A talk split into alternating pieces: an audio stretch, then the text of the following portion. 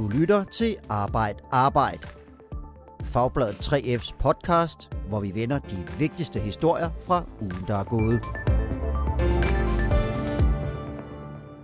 Velkommen til denne uges udgave af Arbejd Arbejd. Vi udkommer i dag torsdag, fordi det er stor bededag i morgen. Jeg hedder Morten Olsen, og jeg er din vært i dag. Og med mig i studiet har jeg to gæster. Hej, jeg hedder Jonas Højlund, og jeg er redaktør på Fagbladet 3F. Og jeg hedder Asger Havstein, og jeg er journalist på øh, Fagbladet 3F. Og velkommen til jer, begge to. Vi skal se lidt på transportsektoren i dag, hvor der i løbet af ugen kom nye tal, der viser, at flere udenlandske biler og chauffører kører på danske veje. Og så har vi et par historier om ulighed også. Den ene historie handler om, at der bliver flere, der får rigtig gode lønninger i toppen af lønskalaen. Og så har vi en historie om, at der kommer flere private skoler, og det er med til at sætte den sociale lighed og sammenhængskraften i samfundet under pres. Men vi begynder med udenlandske lastbiler på de danske veje. Dem kommer der flere af. Og det er en historie, som du, Asger Havstein, har set på i løbet af den her uge. Hvad er det, tallene de viser? Altså, de nyeste tal fra, øh, fra Vejdirektoratet, de viser, at øh, udenlandske lastbiler har overtaget stort set alt transport af, af gods øh, over de danske grænser. 8, godt 8 ud af 10 øh, lastbiler er udenlandske.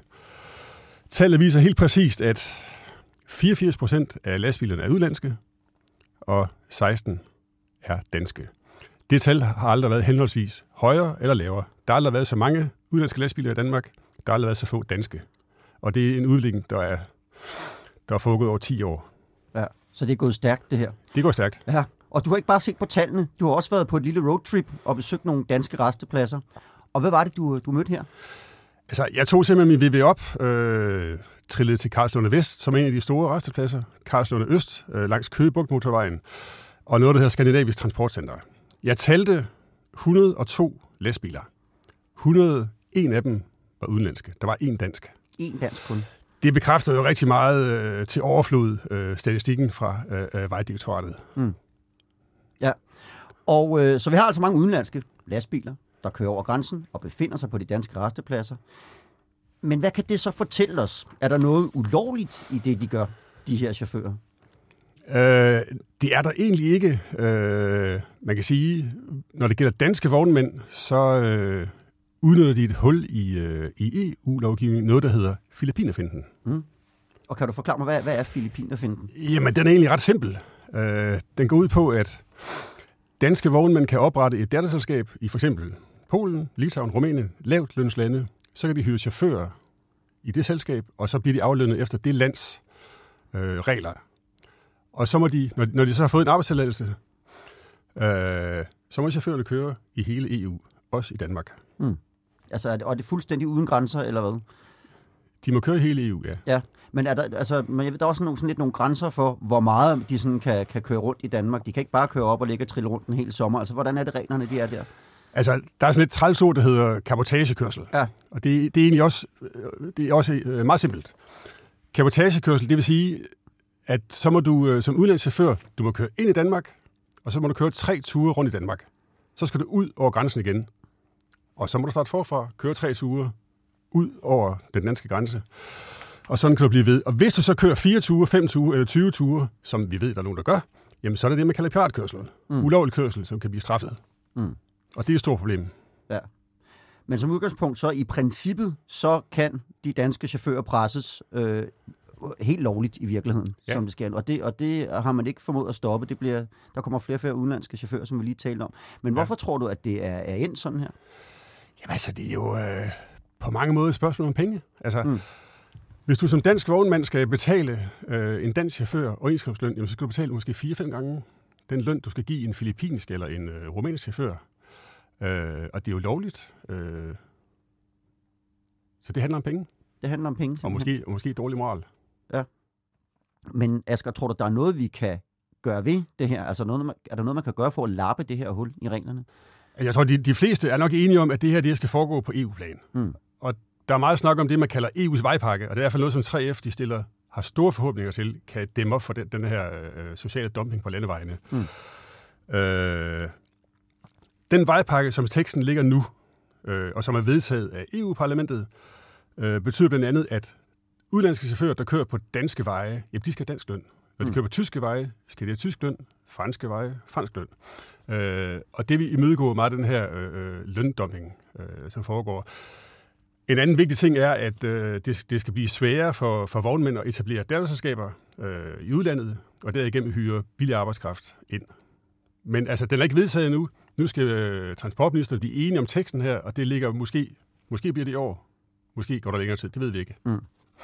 Men, men det, er- det er nok det, der kan sådan gøre noget ved det her problem.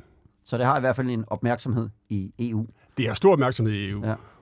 Og så, og der ved jeg, at, øh, hvis vi lige bringer dig på banen her, Jonas, at du, du, du talte lidt om, at, øh, at det er også lidt et splittet EU her. Hvor er det ligesom, øh, at EU deler sig i det her spørgsmål? Jamen, den, den deler sig ved det gamle jerntæppe øh, Mm. øh, i forhold til, til et Øst- og Vesteuropa, hvor man jo fra Østeuropas side er meget interesseret i det her, fordi det er jo også en stor indtægtskilde. Det kan være, det er der, man ender med at betale skat, øh, som ved de her datterselskaber og sådan nogle ting.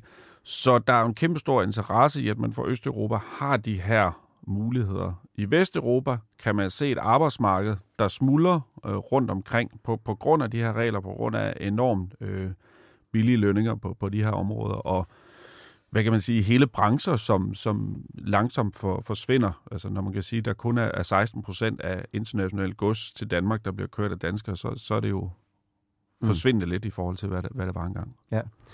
Det skal blive spændende at se, hvordan den øh, vejpakke lander, hvornår den lander, om den lander, alt det der. Øh, men vi bliver lidt på landevejene, fordi øh, Asger, da du var på dit lille roadtrip hernede ved Karlslunde, der opdagede du også noget andet.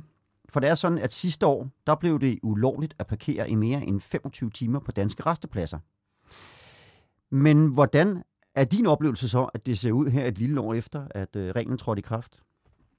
Altså, hvis, hvis man ser på tallene igen fra Vejdirektoratet, øh, så bliver det i de første fire måneder af 2019 givet øh, omkring 2.000 bøder øh, for ulovlige parkeringer på restepladser langs motorvejene, og en, en, en pæn del af dem blev givet for netop overtræde den der 25-timers regel. Mm. Øh, jeg synes, jeg har tjekket på Karlslunde Vest, øh, om, om, om, det, om det er et problem. Øh, og der holdt 32 lastbiler. Mm. Øh, den fotograferede alle sammen. Og så vendte jeg tilbage igen øh, dagen efter, 26 timer efter, og det vil se, 19 af de 32, de holdt samme sted. Altså, Mm. mm. de stod alle sammen til en bøde på 2.000 kroner. Mm. Så jeg vil sige, altså, det indikerer jo, at øh, jamen, altså, af en eller anden grund, så er de bare nødt til at parkere et sted, selvom det koster penge. Mm. Det var regeringen og Dansk Folkeparti, der indførte den her regel sidste år, og en af begrundelserne for det, det var, at udenlandske chauffører netop slog lejr og boede på restepladser i flere dage. Og det var det problem, de sådan ligesom ville løse. Øh, hvad hedder det? Øh... Men efter din tur derned, tror du så, og de tal, du har kigget på, tror du så, at det her problem, det er løst? Jamen, altså, det, hvad kan sige, det ser jo ikke sådan ud. Mm. Fordi reglerne bliver overtrådt i stor stil, ser det i hvert fald ud til. Mm. Og hvis man kører ud ifølge 3F, og 3F, formand for 3F Transportgruppe, Jan Villersen, han understreger, at hvis du kører ud i industrikvarterer, villakvarterer, tæt på motorvejene, så ser du simpelthen, at, at chaufførerne kører derud i stedet for at parkere. Mm. Øh, der er ingen toiletfaciliteter, der er ingenting. Altså, øh, og det er jo til gene for de folk, der bor i området. Mm. Øh, så i virkeligheden har man måske bare flyttet en stor del af problemet fra restepladserne ud nogle steder, hvor de slet ikke hører hjemme, lastbilerne. Og så, kan man sige, så er det ikke løst, så er det bare flyttet. Okay. Så der er stadig et problem at tage fat på der. Hvad hedder det? Tak for det, og tak for at berette om din lille tur rundt på landevejene. Vi skal videre til et par historier om øh, ulighed. Øh, for en årsløn på 1 million kroner eller mere, det lyder attraktivt for de fleste, og der bliver flere, der kan nyde den luksus. Sidste år var der mere end 50.000 danskere, der tjente over en million kroner om året. Det viser tal fra Danmarks Statistik. Og det lyder jo godt for dem. Men Jonas Højlund, set fra et samfundsperspektiv, hvad kan vi så sige ud fra de her tal?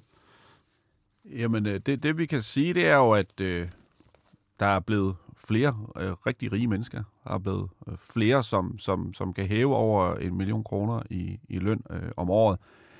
Og det er jo sådan en stigning på 40 procent på, på de seneste seks år. Øhm, og øhm, det, er jo, det er jo så, der har vi snakket med en, øh, en, en professor, Ben, ben Greve, som, som ligesom prøver at fortælle lidt omkring, hvad er det så, det gør ved et samfund.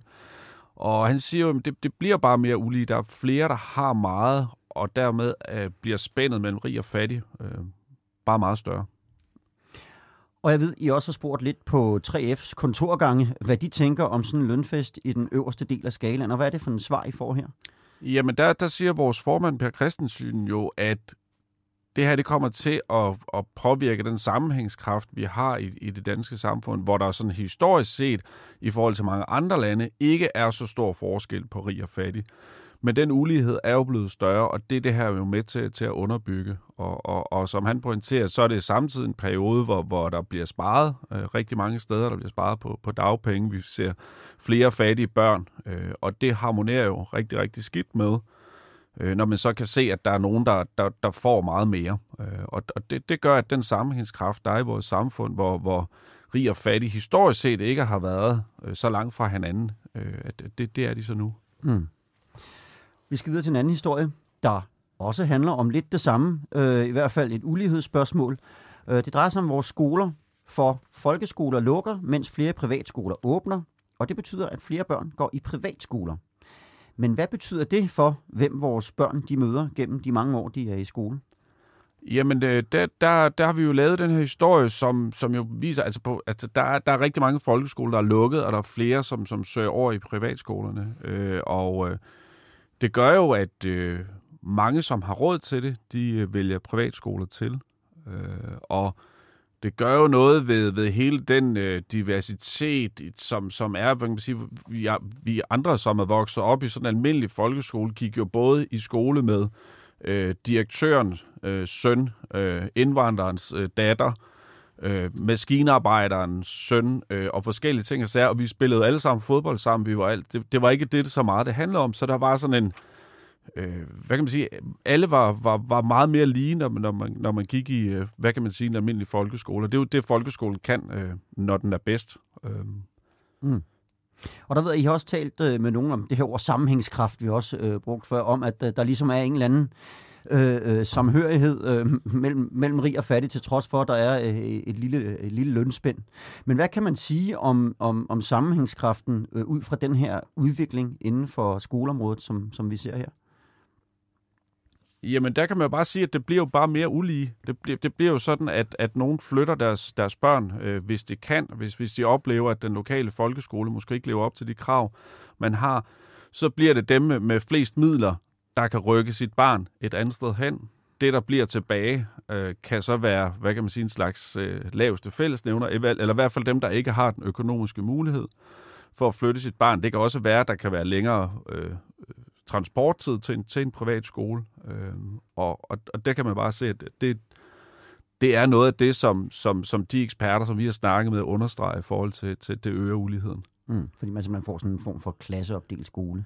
Man får jo en, en gammeldags øh, klasseopdelt skole, lidt, lidt ligesom i, i Matador, hvor, hvor man skulle gå på, på den fine privatskole, eller så kunne man nøjes med den almindelige realskole, og det var kun for det fineste borgerskab, der havde råd til det og muligheder for at flytte sine børn hen.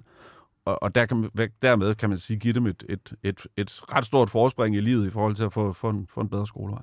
Ja, Tusind tak skal du have. Tusind tak til jer begge to. Vi er ved at være færdige, og således så nåede vi både en tur på landevejene, og vi blev taget i skole og rundet også Matador. Så det, har været, det har været en god afslutning på ugen. I skal have tusind tak, fordi I kom. Vi tales ved i næste uge, hvor det igen er mig, Morten Olsen, der står ved mikrofonen. I må have en rigtig god, forlænget bededagsweekend. Tak for det. Tak i lige måde. Du har lyttet til Arbejde Arbejde Podcasten er produceret af produktionsselskabet Rev for Fagbladet 3F.